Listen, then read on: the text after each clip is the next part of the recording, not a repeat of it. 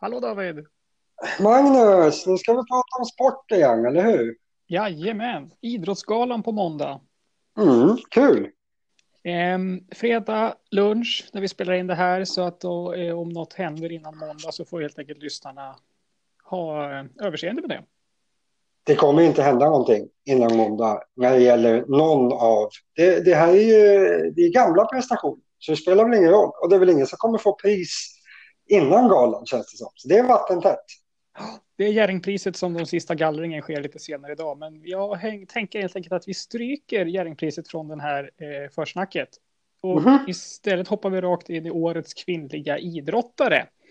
Eh, upplägget är som följer. Jag drar vilka namn det är och så får du helt enkelt dra ut en vinnare av de här. Så får vi se om jag håller med dig. Trevligt. Kör! Mm. Årets kvinnliga idrottare, eh, Tove Alexandersson, trippla VM-guld i orientering. Tre eh, eh, eh, guld i, i hennes liksom, huvuddisciplin om man säger. Hon håller på med skidorientering också. Vi har eh, Sara Sjöström, fem medaljer på VM, ett guld, två silver och två brons. Hanna Öberg, skidskytte, VM-guld på hemmaplan i Östersund. Eh, och Stina Nilsson, två guld och ett silver på VM i längdskidor. Hur känns det här? Ja, alltså...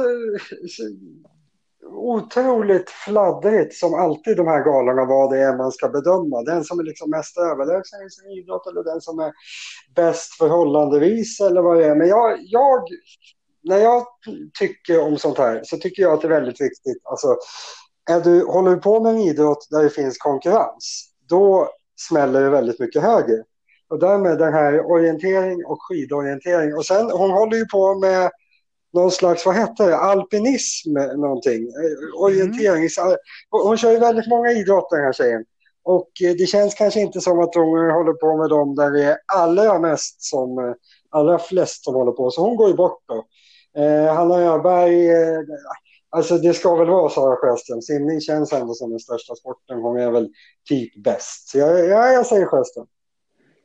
Jag håller med där och om Sara skulle vinna på måndag så blir det då alltså fjärde gången i rad som hon vinner årets kvinnliga idrottare. Det hade ju varit lite av en prestation faktiskt. Vem är utmanare? Det måste vara Stina Nilsson i så fall. För man kan inte ta Eh, andra tycker jag. kikar man på oddsen från spelbolagen så är det Tove Alexandersson som är favorit före Sara Sjöström och sedan Hanna Öberg och Stina Nilsson eh, eh, på delad tredje plats. Populärt att ge Tove Alexandersson priser just nu. Vi kommer, nog till, vi kommer nog tillbaka till henne.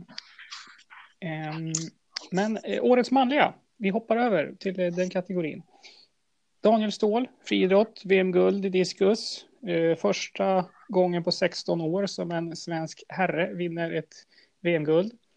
Och eh, han har ju friidrottskompisen Armand Duplantis med bland de nominerade här. VM-silver i stav. Eh, ytterligare en orienterare i Gustav Bergman. Första svensk på herrsidan att ta hem totala världscupen på 23 år. VM-guld i stafett och silver på medeldistans för honom. Och eh, fjärde gubbe ut i årets manliga idrottare, Oskar Rosenberg Hallberg, som håller på med skateboard. Eh, vunnit VM för andra gången i något som kallas för parkdisciplin. Vi ska nog inte gå in så mycket mer på vad det handlar om. Du ska inte underskatta mina skateboardkunskaper. Park, det är när man åker runt med så här massa eh, uppbyggda grejer som man kan göra trick på. Det kan vara ganska kul att titta på. Mm. Men nej, det, det känns ju liksom inte, alltså, det, det är ganska stort den där typen av skateboard. Det har ju ganska mycket intresse runt sig men jag vet inte. Det känns väldigt svårt att jämföra tycker jag. De som håller på med sådana idrotter med de som håller på med lite vanliga idrotter skulle jag säga. Så nej, det blir inte han och det blir inte orienteringsgubben här heller om jag får välja. Då landar man ju på de två friidrottarna. Två, väldigt bra friidrottare såklart. Men eh, det, det, det går väl inte att riktigt värdera olika friidrottsgrenar mot varandra. Daniel Ståhl var ju förhållandevis klart bättre än Duplantis den här säsongen. Så det, det måste väl bli Ståhl där tycker jag. Ja, det känns svårt att säga någon annan faktiskt. Ja, det går ju liksom inte att ta Duplantis. så Hur ska man förklara det då? Han var ju sämre än den här, eh, nu har jag tappat namnet, men han som var Kendricks. klart, Kendricks ja, ljushåriga killen som var klart bättre än honom eh, egentligen hela säsongen. Eh, medan Ståhl var helt överlägsen. Så eh, absolut, stavet, staven känns väl som mer konkurrens just nu. Eh, och sådär. Men nej, det får ju bli Ståhl. Vad säger oddsen? Oddsen säger att Daniel Ståhl är skyhög favorit att ta hem den här eh, mm. kategorin. Mm. Han får ju.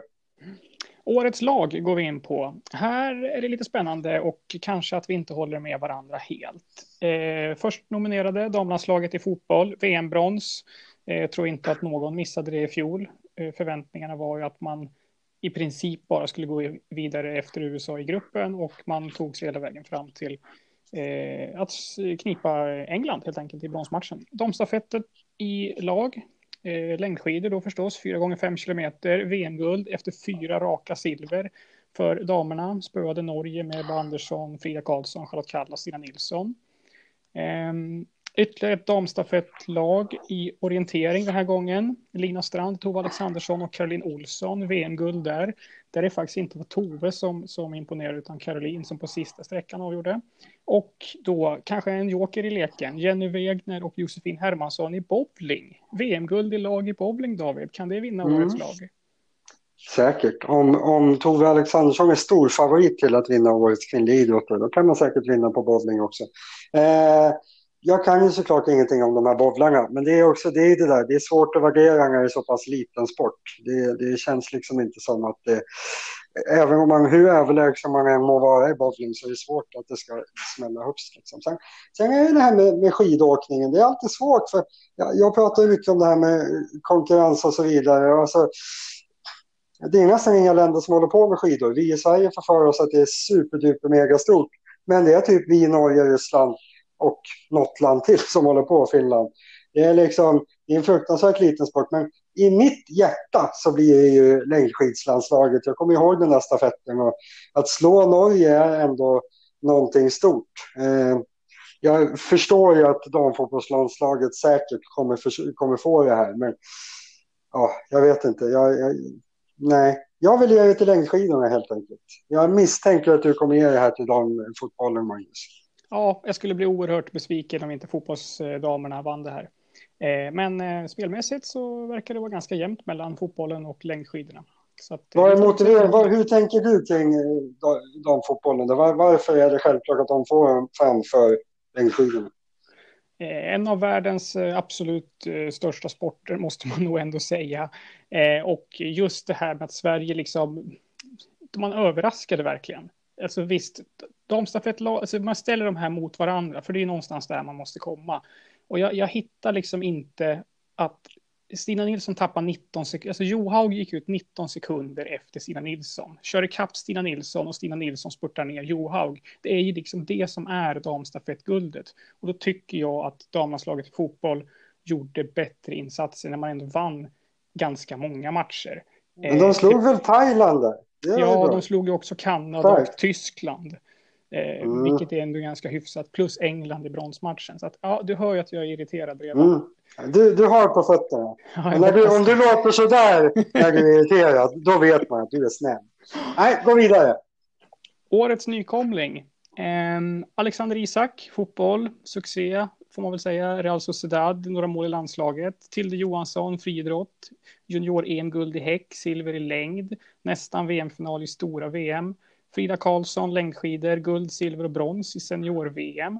Eh, Truls Mörgård, bordtennis, silver i junior-VM, lag-EM, brons. Har jag skrivit upp här. Mm. Fy vad svårt. Alltså Alexander Isak tycker jag man kan plocka bort direkt. Han är väl ingen nykomling för mig. Han, har, han liksom var ju superhet i allsvenskan för ett par år sedan. Var liksom, där, där hittade jag ingen alltså, nykomling. Nej, det känns helt ologiskt att han skulle få det priset. Men han är ju med, så i så fall absolut. Han är väl nykomling i landslaget i någon mån, men han har ju liksom varit uppe på seniornivå och härjat i flera år. Så ologisk eh, nominering tycker jag. Eh, ja, jag är insatt i pingisen. Jag har ju hållit på med pingis hela mitt liv. Eh, Truls Mörgård här är väl största pingistalangen som Sverige haft egentligen på hundra år och då har man ändå Mattias Falk som jag misstänker kommer tillbaka senare i någon nominering här som blev ganska bra till slut. Ehm, men eh, nykomling, Frida Karlsson kändes väl väldigt nykomlingsaktig. Gjorde hon inte det? Lite för, för en normalt idrottsintresserad människa som jag är så kom hon ju lite grann från ingenstans och var helt plötsligt nästan bäst i världen. Eh, så jag, jag plockar Frida. Vem tar du? Jag håller faktiskt med. Eh, jag tycker väl egentligen inte att det finns så mycket att säga om det. Det känns som att det var liksom ett Alltså det är lätt att glömma. Alltså för ett år sedan så visste vi ju inte ens vem Frida Karlsson var, knappt. Nej. Det gick väldigt fort. Alltså, ja. mm. Eh, så att, eh, nej, Frida Karlsson spikar vi där. Årets prestation. Här kommer vi tillbaka till din bordtennis. Mattias Falk, VM-silver. Kanske inte så många som missade det heller. Eh, Stina Nilsson, kanske årets prestation där. Dubbla VM-guld i längd då. Och det är väl framförallt att hon kom tillbaka efter den här skadan som man har eh, nominerat henne på. Angelica Bengtsson, stavhopp, sexa i VM, men då med det här svenska rekordet som hon slog i fjärde försöket efter att ha brutit staven på 4,80. Mm. Hanna Öberg är sista nominering där, VM-guld på hemmaplan. Vad tror du? Vad jag tror? Ja, jag tror väl att det finns en risk att Angelica Bengtsson får det. För folk, folk snöade in väldigt mycket på det där med, med stavbrottet. Jag, tyckte, jag, jag, jag har fortfarande inte riktigt förstått vad som var den stora grejen. Att det skulle vara så hjälteaktigt att klara av att hoppa efter att staven har gått sönder. Det verkar vara någon friidrottspsykos där. Att man, men det ska vara omöjligt att röra sig ett halvår efter att man har brutit staven i stavhopp tydligen om man frågar en friidrottsmänniska. Eh, men vem jag tycker ska få det? Jag tycker faktiskt, eh, du dissar ju det här, den här stafetten där Sverige slog Norge där, där eh, Stina Nilsson hängde med Johaug i sista backen där. Det tyckte jag var lite coolt. Det, det är liksom, för mig är det en prestation. Att vinna ett, EM, ett VM-guld som Hanna Öberg när man liksom var en av favoriterna lite grann och bara vinner. Alltså ja, det är bra gjort, absolut. Men det är så här, det är varken bragd eller prestation. Alltså prestationen här, det blir ju, i min värld blir ju Mattias Falk som liksom, ja, hur stor pingis är som sport kan diskuteras i oändlighet. Om man frågar pingismänniskor så säger man att det är världens näst största sport för, och så räknar man in att alla kineser håller på med pingis, vilket kanske inte riktigt är sant. Men alltså pingis är en ganska stor sport. Och han, alltså han gick till final i VM i en ganska stor sport. Om man jämför med skidskytte och längdskidor i alla fall. Det är inte riktigt eh, jämförbart. Liksom. Så, nej, det, det, var, han hade en bra lottning ska sägas. Falk. Han behövde inte slå någon, inte en enda kines på vägen fram tror jag. Men nej, det var eh, otroligt bra gjort. Så jag, jag tycker verkligen att han borde få det. Och jag kan inte annat än hålla med dig. Eh, Mattias Falk plockar jag också som årets prestation. Eh, tittar man på oddsen så tycker jag ändå att det, det, är ganska jämnt här mellan i stort sett alla. Han har Öberg lite efter övriga, men Falk är favorit. Stina Nilsson bara alldeles, alldeles, alldeles strax där bakom och så Angelica Bengtsson då som, som tredjehandsfavorit. Så att, eh, nej, jag, jag, tycker nog ändå att ska Falk få något pris, vilket han ju då bör för det här, så är det ju faktiskt årets prestation. Det känns ju ganska gjutet att det var en prestation. När han inte fick bragdguldet, och det kanske hade behövt ett VM-guld för det, men prestation mm. var det ju definitivt. Mm. Alltså det, beror, det är just det här begreppet prestation som är så svårt. Precis som begreppet bragd. Alltså, alltså den här eh, hon Tove som vann bragdguldet där. Det är, alltså det är det som gör att jag tycker att bragdguldet har devalverats så fruktansvärt mycket. Att man, man ger bragdguldet till sådana som är bäst i sin idrott och som presterar just i år alltså, jag hittar inte riktigt bragdmomentet i det. Bragdmomentet är ju när man gör någonting utanför det vanliga. Och det känns som prestation är lite grann samma sak.